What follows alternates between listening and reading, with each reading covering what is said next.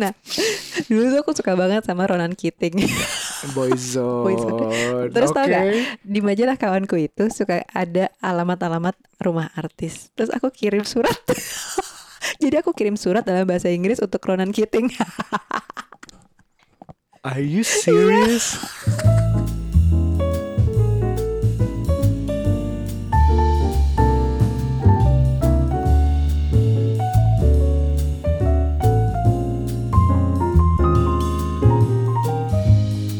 Halo Ibu. Hai Bapak. Hai. Halo juga pendengar curhat babu, curhatnya Bapak dan Ibu. Iya, ketemu lagi sama kita nih di situasi yang ah situasi mulu bosen ah. Kita kan rasanya tuh kayak em, apa ya di di aku lagi baca-baca rame nih di Twitter, Instagram gitu-gitu lah. Permedsosan Aha. tentang ada satu akun Instagram yang biasa Instagram dibawa ke Twitter kan suka gitu. Twitter dibawa Instagram, Instagram dibawa ke Twitter. Ya. Instagram yang bilang bahwa umur 25-an. Umur 25-an harus udah punya duit 100 juta, harus udah punya cicilan rumah sisa 20% lagi beres, Mhm. punya kendaraan pribadi dan gaji minimal 8 juta. Asik nggak tuh? Iya iya iya, aku juga sempat lihat di Instagramku berseliweran banget nih kayak Mm-mm. mengcounter soal eh, tweet itu atau Instagram itu lah ya tentang usia 25 tuh gue gini gini gini, usia 25 gini. Emang ada apa sih? Ini nih pasti nyambung sama quarter life crisis ya. Yang kayak kata kamu, Iya. pede banget emang umurnya bakal 100 tahun, quarternya di 25 kan belum tentu. Iya bisa aja lebih cepat. Nah, tapi em, bagi aku pertama po- pandangan itu pasti minoritas ya untuk untuk punya 100 juta dan cicilan rumah 20%. Punya rumah aja udah prestasi di 25 menurutku. Aku udah punya belum ya? Iya, dulu aku belum deh. 25 belum Ah, sih. ah, gaji oke lah, gaji di 8 juta banyak lah umur 25 gaji 8 juta. Iya. Ya kendaraan pribadi oke lah walaupun nanti ada pemberian orang tuanya. Tapi kalau itu semuanya cicilan rumah udah sisa 20%, gak tabungan 100 juta, gitu, punya kendaraan pribadi, ya pasti minoritas lah. Tapi kamu kebayang kan yang yang mereka sebutkan itu tuh kayak lebih materi semua gitu loh. Iya. Ya kan uang 100 juta cicilan rumah gitu kan terus punya kendaraan pribadi ya ampun itu semua material. Padahal kalau aku ya dulu waktu umur 25 inget banget concern gue adalah soal karir soal percintaan sama soal pendidikan. Karena dulu ambi kan. Nah, kalau karir Jadi- kalau nggak salah kamu punya target gaji. Yes, jadi aku tuh umur 25, aku inget banget aku udah settle jadi karyawan tetap di sebuah bank, posisinya lumayan pada saat itu, ya belum tinggi-tinggi banget sih, tapi udah lumayan. Terus sambil aku udah jadi dosen bab pas umur 25. Jadi salah satu achievement yang aku banggakan di masanya secara karir ya. Aku Secara tuh karir oke ya. Ah, ah, menjadi dosen juga jadi aku double job pada saat Hmm. itu gitu di mana orang-orang mungkin ya itu kali ya kalau sekarang achievementnya menurut mereka soal si tabungan mobil rumah gitu kali ya Iya, aku sih tapi ya nggak di situ Mungkin karena akunnya memang akun agak-agak finansial. Mungkin Jadi ya. yang yang yang sesuatu yang bisa dikuantify lah, harusnya bisa dilihat nih Iya. patokannya berapa. Which is ya nggak 100% salah sih punya patokan, punya Mhm. target. Um, you need to set your target. Emang ada yang harus visible juga gitu. Aku pengen jadi pengen jadi kaya. Nah, kayaknya gimana? Kayak dari segi apa? Nggak bisa nggak bisa juga langsung tanpa angka. Which is I iya sih I understand where they came from gitu. oke Oke, jadi jadi em, kalau misalnya dibilang bahwa dia punya begitu ya udah. Nah, 25 tadi kalau kita bahas, kamu tuh ada merasa you wish you reach something atau can do something when you were 25 nggak? Mm-mm. justru aku em, pengen ngebahasnya sesuatu yang gak aku achieve di tahun di umur 25 tahun itu sih Itu itu semua berarti 100 juta. mungkin targetku atau goalsku bukan itu kali ya dulu jadi nggak di situ tapi Nggak di justru hal-hal yang pengen aku achieve di usia 20 tahunan tuh misalnya ya Apa? Untuk sekolah di luar dulu tuh aku pengen banget punya kesempatan sekolah di luar. Tapi pertama ya nggak punya budgetnya ya kan? Kedua nggak boleh juga gitu. Mau sekolah di luar kota aja nggak boleh Kenapa gitu anak- sama anak- orang tua. Anak perempuan ya. anak perempuan satu-satunya ya kan? Anak bungsu. Jadi ya udahlah kuliahnya di Jakarta aja gitu. Jadi nggak boleh ya. ke mana-mana gitu. Terus? padahal aku pengen lah paling nggak kalau S1-nya Jakarta ya S2-nya deh di luar gitu. Nah ini nggak dua-duanya juga. Oh, iya, Jadi iya. aku punya problem dengan bahasa gitu pada saat itu ya. Jadi I wish di tahun uh, umur 25 itu bahasa Inggrisku tuh jauh lebih baik gitu ya. I wish Uh, karena mungkin uh, punya pengalaman sekolah di luar gitu yang aku tahu secara secara nggak langsung ah pasti orang-orang yang sekolah di luar bahasa Inggrisnya tuh lebih lebih fasih gitu. Em, aku koreksi sedikit. Mungkin bukan pasti ya, kebanyakan mungkin. Tapi karena aku juga pernah, aku kan eh, produk sekolah di luar yang yang bikin bahasa Inggrisnya bagus itu sebenarnya adalah kalau dipraktekin setiap hari, setiap saat. Hmm. Karena kan lo otomatis mau keluar, beli makanan, mau ngapain, apa segala macam, papasan sama orang itu menggunakan bahasa Inggris. Jadi kalau misalnya kita ngomongin, em, aku juga punya teman di sana begitu nyampe sana gak pernah ngomong bahasa Inggris. Oh wow. Begitu sampai sana tuh kayak bahasa Inggrisnya bener-bener sesuai kebutuhan kayak ya di sekolah Heeh. karena harus atau kalau mau beli-beli sesuatu gitu. Tapi nggak pernah punya temen bule atau yang native speaking. Temennya Indonesia semua dan Oh. bahasa Indonesia juga kurang gitu. Dan aku pernah dengar juga sih, katanya ah eh, banyak kan anak-anak Indo ngumpulnya sama anak-anak Indo juga, jadi bahasa Iya, Inggrisnya gitu-gitu aja gitu bahasa ya. Indonesia gitu-gitu aja di awal tahun pertama aku di sana aku maksain untuk mengurangi temenan Indo tapi lama-lama nggak tahan juga memang kangen Indo jadi teman-temannya Indo Jadi- semua juga tahun kedua Biar ya, nyambung. udah deh asik deh gampang capek gue ngomong bahasa Inggris Tapi dulu tuh aku sempet loh bab, jadi eh, aku tetap berusaha kan. Aduh pengen banget deh dapat scholarship keluar gitu. Ah. Aku usaha tuh, jadi sambil kerja umur 25an itu, aku sambil ngambil ini eh, apa eh, TOEFL prep gitu. Jadi aku habis pulang kantor, aku sampai Berapa? malam les juga. ada ada hasil akhirnya TOEFL nggak kamu Eh, lupa aku berapa tepatnya, cuman aku ikutan Hmm. lesnya itu gitu dan aku banyak salahnya. Oh, yang rame yang rame di Twitter kan juga salah satu Twitter ten- eh, dosen bilang apa namanya TOEFL itu kenapa sih anak zaman sekarang as, as in yang lebih muda dari dia susah banget sih dapat TOEFL 550 kan ada YouTube kan ada apa ada apa ada apa gitu kok Iya. susah sih kamu kalau digituin gimana rasanya Eh, tapi anak zaman sekarang dulu juga kan nggak ada YouTube, Bab. Jadi aku belajar bahasa Inggris tahu gak dari mana belajarnya? SA, Pertama. kursus oh pertama Nih, dari pertama awal ya, aku inget banget dulu aku SD Mm-mm. kan sekolahnya juga bahasa Indonesia ya, bukan Iya. sekolah-sekolah yang bahasa Inggris gitu. Jadi aku dari SD aku inget kelas 5 atau 6 ya. Aku suka kan band-band kayak The Hanson tau gak sih zaman dulu.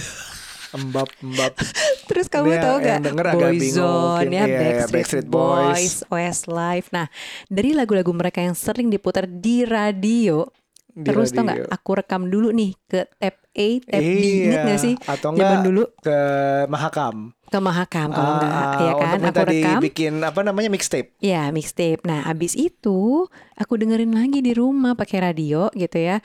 Aku play, aku ulang-ulang tuh dia ngomong bahasa Inggrisnya tuh apa. Jadi aku Liriknya ya, mencari tuh, liriknya. ah, aku segitunya mencari liriknya dia ngomong apa, dia ngomong ulang lagi. Eh, pokoknya bolak-balik bolak-balik sampai akhirnya aku oh dapet nih satu lirik lagunya itu tuh. Atau kedua biasanya dari lirik lirik lagu yang adanya di majalah. Nah majalah kan terbitnya setiap hari Senin tuh. Oh iya iya kalau nggak salah majalah kawanku gadis gitu iya, ada satu suka halaman ada suka yang ada buat lagu-lagu lagu hits gitu. kan. Nah dari situ aku biasanya apa belajarnya tau Iya. nggak?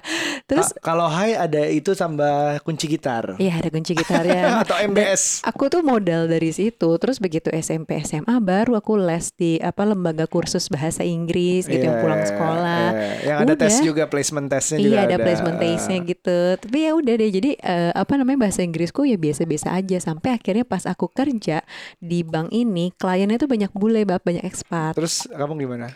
mau nggak mau kan terpacu harus ngomong kan kalau Ah. nggak malu gitu ya udah modal kayak sok berani ngomong aja Iya. gitu dan tapi memang latihan ngobrol sama klien mau nggak mau tuh jadi ngomong walaupun tadinya nggak berani nggak pede ya udah deh gue ngomong aja yang penting Iya iya iya. Karena karena memang gitu. Gue percaya ya makanya menjam- menyambut Twitter yang uh, dosen itu, gue percaya bahwa oke TOEFL oke lah ya untuk Mhm. untuk menentukan suatu angka harus sekian untuk um, eh, berbentuk tulisan biasanya esai, eh, diksi atau atau masuk ke suatu ujian gitu. Itu oke paham harus ada yang bisa dikuantify.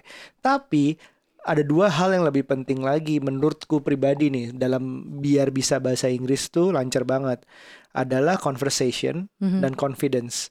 mhm. Jadi conversation artinya itu dipakai. Mau Mhm. itu mau itu grammarnya masih kurang, itu dipakai terus lama-lama pasti bener kalau di, udah tahu salahnya di mana terus dibenerin.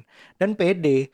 Soalnya yang yang ngeblok orang untuk kayak misalnya Aira yang sebenarnya secara pasif sama kayak kita nonton sesuatu tuh dia ngerti. In English dia mm-mm. bilang dia ngerti. Tapi begitu ditanya dia masih mikir aku bingung aku malu. Sebenarnya malu. Sebenarnya confidence-nya yang nggak nyampe. Yang itu yang jadi mental block banyak orang untuk ngomong bahasa Inggris sebenarnya. Benar sih. Terus banyak ya mungkin kalau sekarang di Twitter uh, grammar salah dibenerin, typo dibenerin. Jadi kayak Hmm. bikin down justru, bikin confidence-nya makin ke kekurung gitu menurutku. Iya sih, aku kayaknya yang bikin nggak pede ya gitu, nggak ada lawan bicara yang mungkin bisa, yang kayak misalnya bule gitu ya, atau eh, apa namanya, jadi lebih ke- lebih takut gitu loh, bab nggak Iya. mau ngomong, ya udah deh gue diem aja. Padahal sih, Iya, So, karena aku juga em, yang bagi aku sekolah di luar itu sangat mangat membantu bahasa Inggris aku adalah the fact that I meet native speakers gitu, bener-bener yang make setiap hari.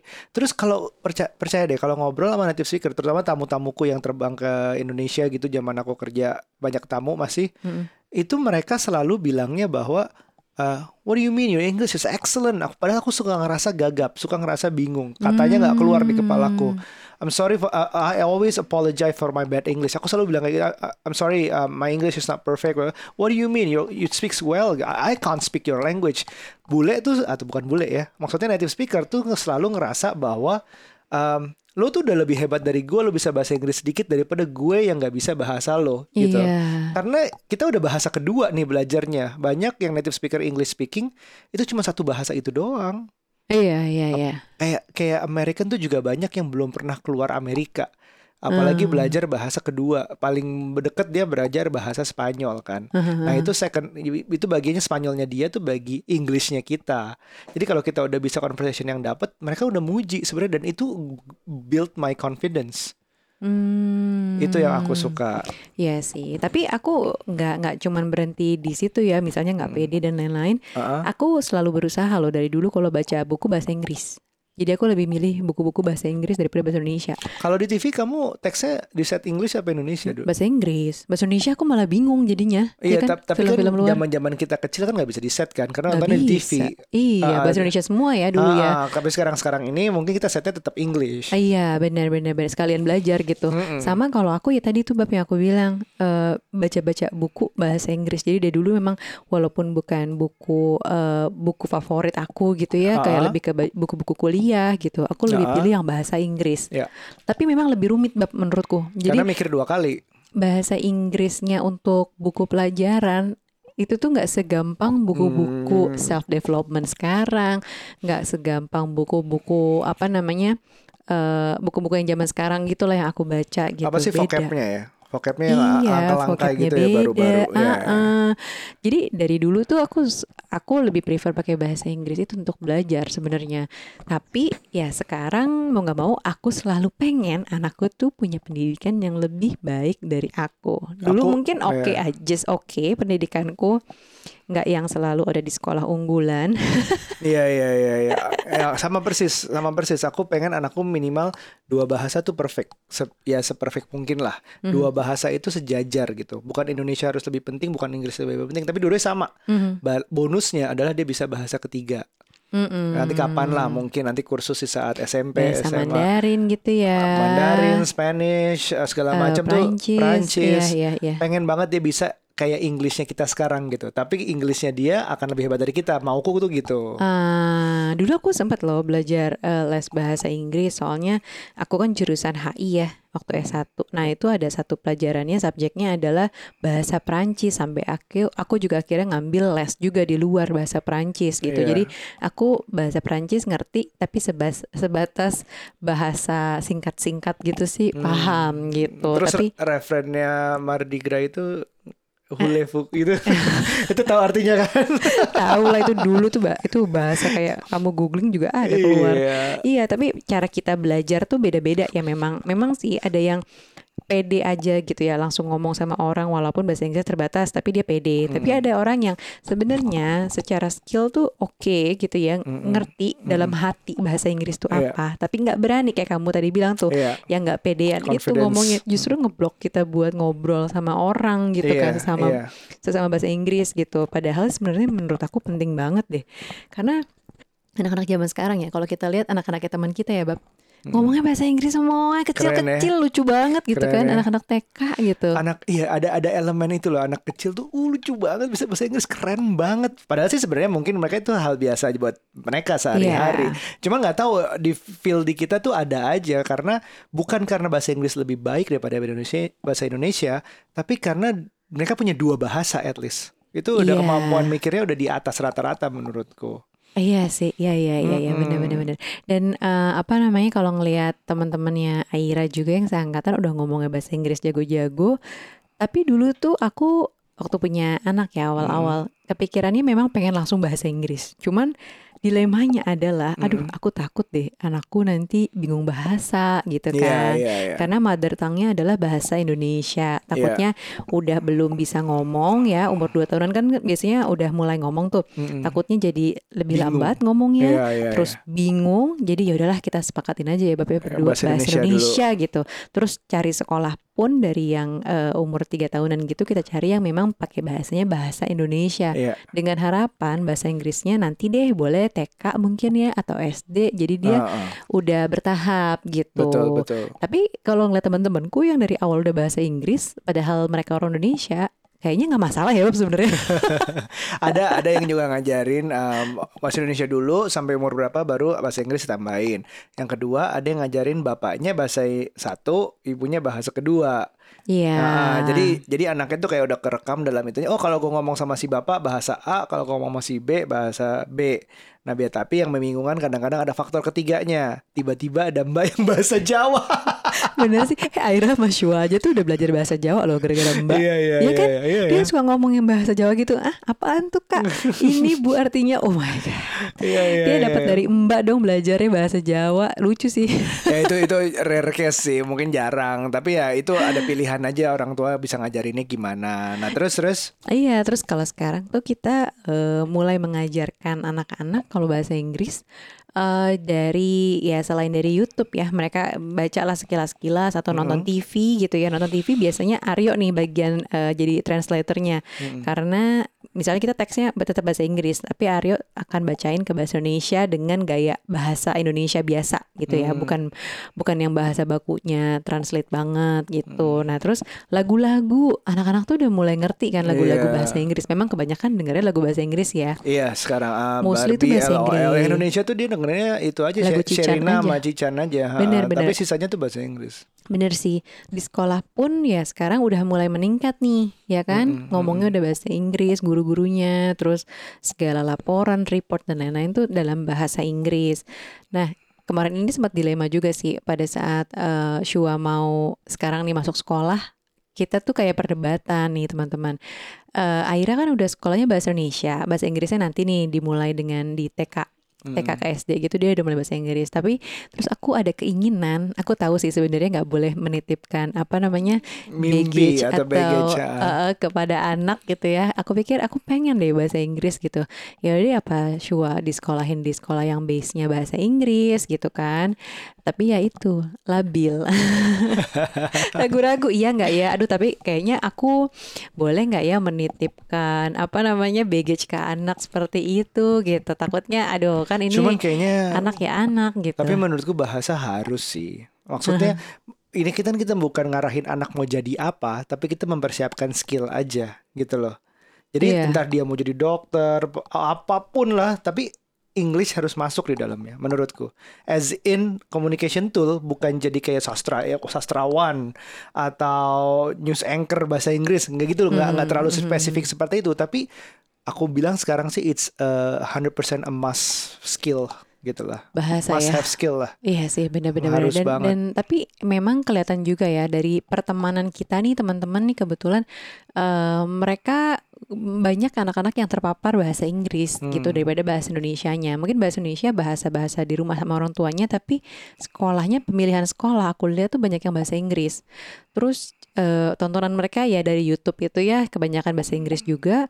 Terus dari film-film eh, apa namanya kartun dan animasinya Hmm. bahasa Inggris sama dari buku-buku kan anak zaman sekarang bacanya buku mulu ya beneran deh kayak bener-bener dari early banget Iya, dari early stage banget mereka udah belajar bahasa Inggris gitu dari buku-buku sampai Aira pun kalau bedtime story kebanyakan bahasa Inggris ya Bap ya Iya, kecuali bah kecuali kecuali buku-buku agama yang banyak kan bahasa Indonesia Iya, iya, iya, iya. Kebetulan Gitu. memang um, dia udah mulai bisa baca, Mm-mm. Uh, tapi masih bisa lebih lancar baca bahasa Indonesia. Nah, dia dikasih challenge untuk kayaknya dia men-challenge dirinya sendiri sih kenapa dia pengen bahasa Inggris. Mhm, mhm. Karena bahasa Indonesia dia udah lancar. menurut dia, menurut dia, Iya feelingku sih. sih kayak gitu. Aku ngelihatnya dia, aku udah sering bahasa Indonesia, aku pengen bahasa Inggris gitu. Ya udah, dia coba baca walaupun dia lebih stutter kalau bahasa Inggris karena kan uh, pronunciation-nya kan beda kan, cara spelling spellingnya Iya. beda. Makanya dia mau ngelatih dirinya sendiri itu kayak gitu. Benar sih. Nah, terus em, balik lagi inti dua hal yang penting adalah conversation and confidence. Mhm, Di mhm, rumah kita aku coba masukin uh, aku ngomong bahasa Inggris. mhm. Sesekali atau satu hari full bahasa Inggris sampai Mhm. akhirnya akhirnya kalau capek "Ah, aku mau bahasa Indonesia aja. dia nyerah, dia Nyerah. nyerah. Capek. nggak apa-apa, tapi setidaknya conversation English tuh udah masuk ke dia. Nah, sekarang kita ada sesuatu yang kita coba juga nih. Iya, jadi kita welcome banget sama aplikasi Cakap, Mm-mm. aplikasi belajar bahasa online dengan metode interaktif pertama di Indonesia. Nah, Uh-uh. kemarin Aira ini udah sempet nih nyobain belajar Placement test. bahasa Inggris, iya secara online ya lewat Mm-mm. Cakap. Jadi Cakap ini adalah aplikasi yang bukan cuma ada di handphone aja, tapi bisa juga dibuka di di website, Nah, jadi artinya di komputer jadi juga bisa. Iya, nah pilihan Aira ini kan kemarin ya Bab ya kelasnya yang cakap for kids private kan. Iya. Dia bisa private, bisa semi Bisa- private. iya, jadi akhirnya kemarin itu adalah placement testnya. Iya. Jadi untuk tahu ya kayak kita dulu di kursus juga lah biar tahu masuk kelas yang mana gitu. Jadi akhirnya tuh kayak diajak ngobrol, aku ngikutin di sebelahnya dan it was very interesting. Mhm. Aku menarik banget eh, karena pertama em, kita booking waktu. Ini aku eh, eh, sedikit testimoni ya. Aku booking waktu kapan? Oke, bisanya jam sekian hari sekian. Terus bisa pilih guru. Oh wow. gurunya ada fotonya segala macam ya tergantung availability mereka mereka Iya. lagi sibuk apa enggak tapi udah ada tuh pilihannya yang oh yang kosong jam segini hari ini adalah bu ini dan bu ini kita pes eh, pesan kita akhirnya pilih udah satu pilih dan ya udah dia orang Indonesia bahasa Inggrisnya oke dan dia sangat tahu ini buat anak-anak kayaknya memang dikhususkan lah ya artinya Oh. Artinya materinya juga gurunya juga ah pakai boneka. Dia pakai boneka dikasih nama ini nih namanya si ini nih. Iya. Terus ini oh dia nanya kamu lagi apa in English of course. Siapa nama bonekanya? ya? Aku lupa deh pokoknya dia nama this this puppet is actually asking you what's your name gitu. Pokoknya yang nadanya kayak ngajar anak kecil dengan boneka very colorful juga akhirnya tuh dites udah tahu huruf belum, udah tahu angka belum, udah tahu kata belum. Iya, iya. Uh, udah tahu gambar tuh kegiatan apa, uh, benda apa segala macam dites semuanya dan akhirnya sambil ketawa-tawa dan aku tuh seneng banget. Aku tuh selalu seneng kalau anakku is enjoying studying gitu. Iya, benar sih itu yang penting karena kita juga pengen nih sebagai orang tua kan eh, anak-anak itu belajar feelsnya bukan kayak belajar yang wah harus Iya, terus ah. dikte gitu kan, terus Ingat, eh, ingat. mengingat, Mm-mm. hafalan. Dan Iya. Kita kan zaman dulu kayak gitu ya. Iya, Justru iya. sekarang tuh kita sebagai orang tua pengennya anak-anak itu belajar seneng gitu dengan senang hati, cheerful gitu kan. Terus belajarnya juga kalau bisa ya ya informal nggak yang Iya. formal banget gitu kan, sama yang mengerti si anak ini sih itu yang nggak gampang yang Iya. eh, apa namanya child center approach ini yang nggak gampang gitu loh Iya. mencari lembaga-lembaga atau sekolah yang mengutamakan si anak gitu. Well, happy, happy banget karena kan ini kan face to face ini kan ngasah conversation yang aku bilang tadi, Hmm. ngasah confidence juga. Dan hebatnya menurutku extra effort lagi karena ini online. Untuk capture se- um, attention anak segitu lamanya setengah jam kemarin untuk online terus dia masih semangat itu bagi aku it's amazing loh. Iya. Karena kebanyakan anak school from home ini termasuk anak kita di awal itu attention span-nya pendek. Pendek dianggapnya males apa lebih senang main, lebih senang apa itu ya wajar gitu. Cuman dia akhirnya bisa excited, gurunya kooperatif banget dan akhirnya attention span-nya stay for the whole thing. Dan itu happy banget. Iya sih, Online aku loh. aku juga ngintip tuh kemarin pas Aira lagi apa namanya pri- oh, lagi ini ya Uh, private ya placement, ha. placement eh, dan aku ngeliat sih dia happy enjoy. Nah mudah-mudahan sih bukan cuma enjoy di awal ya, kadang-kadang kan gitu. Tapi kalau di awalnya udah happy, pasti dia kayak aku aku lihat juga sih begitu udah selesai sesinya dia langsung bapak aku mau lagi, aku mau Iya, lagi itu, gitu ya. Itu aku surprise banget sih. Surprise banget. Jadi um, mungkin salah satu kuncinya lagi yang ditambahin adalah excitement orang tuanya juga harus tinggi. Iya ya, bener sih. Kalau kita kayak semangat, ayo kak, ayo, ayo, ini gini gini, mungkin dia Uh-uh. jadi senang. Tapi kalau kayak ayonya tapi maksa, ayo Iya. dong gitu, mungkin dia juga Iya, males beda. ya. Ah. Dan dan excitement tinggi itu harus dijaga throughout the course gitu. Maksudnya kitanya juga harus semangat. Sama sebenarnya sama school from home. Hmm. Kalau kitanya semangat ngelihat jadwalnya, bantuin tugasnya apa segala macam kita semangat we're in it, kayaknya anaknya juga akan otomatis in it juga sih. Iya, bener sih. Dan kelasnya interaktif gitu ya. Rasanya seperti online school, tapi Iya. ini kan eh, kemarin kebetulan placementnya one on one gitu ya. Dan pilihan kelasnya sebenarnya juga ada yang private Iya. Bareng-bareng. gitu, yang benar-benar one on one gitu. Menurutku perlu sih yang namanya interaktif. Nah di Cakap ini pada saat kemarin Aira dan eh, bapaknya lagi nemenin placement test, itu Ah. memang kelihatan sih interaktif gurunya gitu Iya ya. betul. Terus aktivitasnya juga seru, eh, apa namanya nyanyi-nyanyi gitu juga ada kemarin ada, ya Bab ya. ada, ada, ada, ada, ada lagu-lagunya juga dan dan ini baru kebayang, aku sih baru kebayang yang private ya, karena ada ya juga yang semi private. Iya, ya Pengen semi sih sekali-sekali coba bisa nggak sih kita masuk kelas yang semi private just to feel she's not alone gitu. Kadang-kadang takutnya bosen kan kalau atau sendiri. mungkin sebenarnya bisa kita atur bab kita ajak juga teman-temannya yang teman-teman Aira misalnya sahabat-sahabatnya Aira Ah. untuk ikutan juga di sini ya nggak Iya sih bisa, bisa banget, bisa banget. Karena kadang-kadang anak juga semang, tambah semangat kalau ada temennya gitu. Kalau yang mungkin ya beda-beda anak lah. Ada yang mungkin pengen fokus sendiri, tapi bisa jadi ada yang anak sama temennya gitu. iya sih benar benar benar benar kadang-kadang kayak gitu ya dibutuhkan teman juga dalam belajar teman seperjuangan nah kalau misalnya aku boleh cerita juga nih Iya. soal cakap ini ya jadi bukan cuman bisa belajar bahasa Inggris doang bab jadi iya. bisa juga ngajarin bahasa Mandarin Dan Nah, bukan anak-anak doang kan. Iya, dan ini dilakukan yang pasti sekarang ya karena lagi kondisi seperti ini juga menguntungkan banget sih dilakukan secara online. Jadi kita bisa belajar dari rumah gitu kan tanpa perlu ke mana-mana gitu. Jadi aku mungkin bisa daftar juga gak sih bapak? Bisa, kamu mau belajar bahasa apa? Mandarin. Kayaknya bahasa Mandarin kali ya. Soalnya gini bapak, nanti pasti kan Aira tuh semakin besar eh, ada subjek mungkin ya ada subjek bahasa Mandarin. Kalau di sekolah lain ada bab dari TK Iya, bahkan. tapi biasanya kalau bahasa ketiga Bahasa bisa Mandarin. pilih tuh. Ada Mandarin atau sekalian. Tapi aku nggak tahu di sekolahnya tuh bahasa apa ya Aira ya. Oh, iya, nanti Bahasa- harus kita cek sih. Ah, ah, tapi bahasa Mandarin tuh kalau di sekolah yang itu tuh bab itu ada bahasa Mandarinnya. Jadi Ka- karena memang pengguna paling banyak di dunia sih sesudah bahasa Inggris sih. iya betul betul betul. Nah kalau secara durasi kemarin berapa lama bab pada saat Kalau nggak salah, 30 ya? kalau nggak salah 30-an, 25 30 gitu kok. Oh oke. Nah ini mungkin juga durasinya 25 sampai 50 menit nih gitu kan dicakap Mm-mm. pada saat udah course gitu ya dan sebenarnya fleksibel juga. Misalnya eh, apa namanya pas kitanya juga lagi break gitu jadi bisa nemenin anak-anak gitu kan. Misalnya pas ini yang mungkin WFH ya. Iya. Misalnya pas jam break eh, setelah makan siangnya anak-anak gitu atau mungkin sore kita baru selesai meeting dan lain-lain bisa juga. Jadi lebih fleksibel sesuai dengan jadwal kita juga bisa nemeninnya. Benar, benar dan mungkin kalau anak yang udah agak gedean SD gitu bisa ditinggal kali ya, Bab.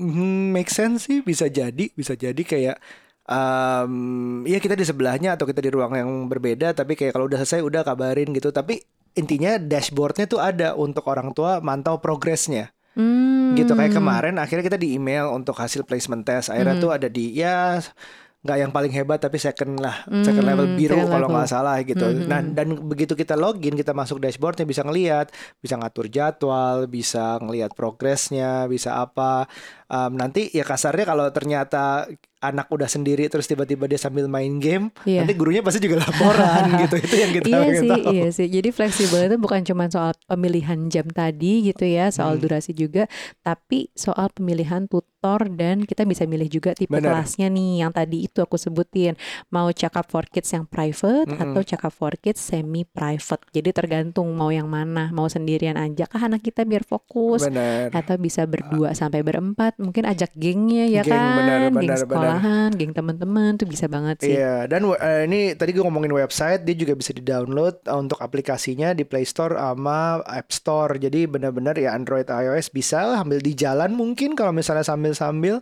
atau ya kalau gue sih fokus pilih di web ya di komputer biar anaknya ya duduk Lebih gitu. jelas Cuman gitu itu ya. itu itu preference lah, ini masalah fleksibilitas. Jadi silahkan ada pilihannya Mhm. gitu. dan tutornya profesional ya bab ya plus Ah. berpengalaman gak sih menangani anak-anak Bisa dipilih native speaker atau lokal. Mhm. Terus juga bisa dipilih laki-laki atau perempuan, nyamannya Mhm. kayak gimana. biasanya kan kalau anak-anak agak kritis tuh aku maunya gurunya eh, missnya yang eh, aku maunya Iya. missnya yang ini gitu atau Iya. gurunya lebih suka yang perempuan tuh anak anakku anak kita kayak gitu ya? Anak, atau ya anak perempuan tuh kayak masih ih nggak mau sama anak cowok kalau masih kecil gitu. iya gak ngerti Oh, kenapa sampai gede aja nanti aja pas mau kawin gitu gimana?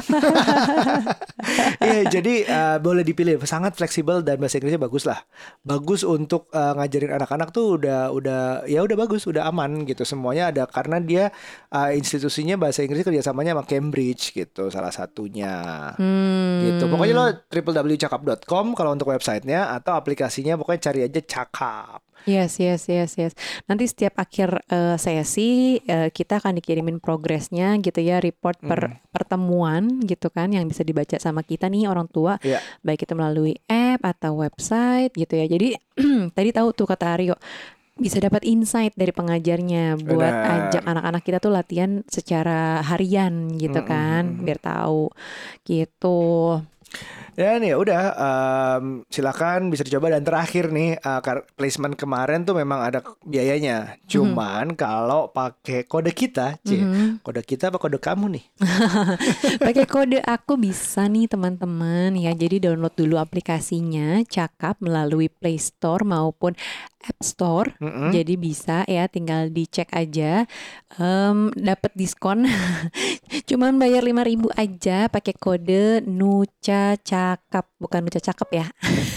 Iya deh. iya Nuca. Cakap N U C H A C A K A P Nuca Cakap. Dan, dan Oke. jadi kita juga mau ngambil yang eh, paket tiga atau enam bulan nih kita belum decide tapi kita akan mau ngelanjutin untuk Aira Mhm. mungkin nanti setelah tiga enam bulan kita cerita lagi hasilnya gimana atau di instastory kita follow aja nih Gario dan Nuca kita lihat pas uh, Aira Lagi sesi itu sesi kayak tuh kayak apa gimana kalau gitu. mau lihat karena kan ini kan cuma ngobrol nih kalau pengen lihat visualnya nanti lihatlah Aira pas lagi kelas gitu Iya iya iya iya. Dan aku tapi ya bab uh, overall gitu ya dengan dengan gadget ini dengan screen ini dan karena anak-anak juga udah di atas 2 tahun ya. Mm-mm. eh, aku sih happy loh anak-anak dengan gadgetnya dan tahu pemakaiannya itu buat apa gitu. Itu, Setidaknya tapi- bisa mengontrol tapi lah. dengan perjuangan sih dengan perjuangan setidaknya eh, gadget time-nya mereka ini anak-anak bisa digunakan mungkin ya pertama Iya. tuh ya dari misalnya YouTube Kids Mm-mm. biasanya itu ya kita Iya. alihkannya ke YouTube Kids bener-bener yang memang buat anak walaupun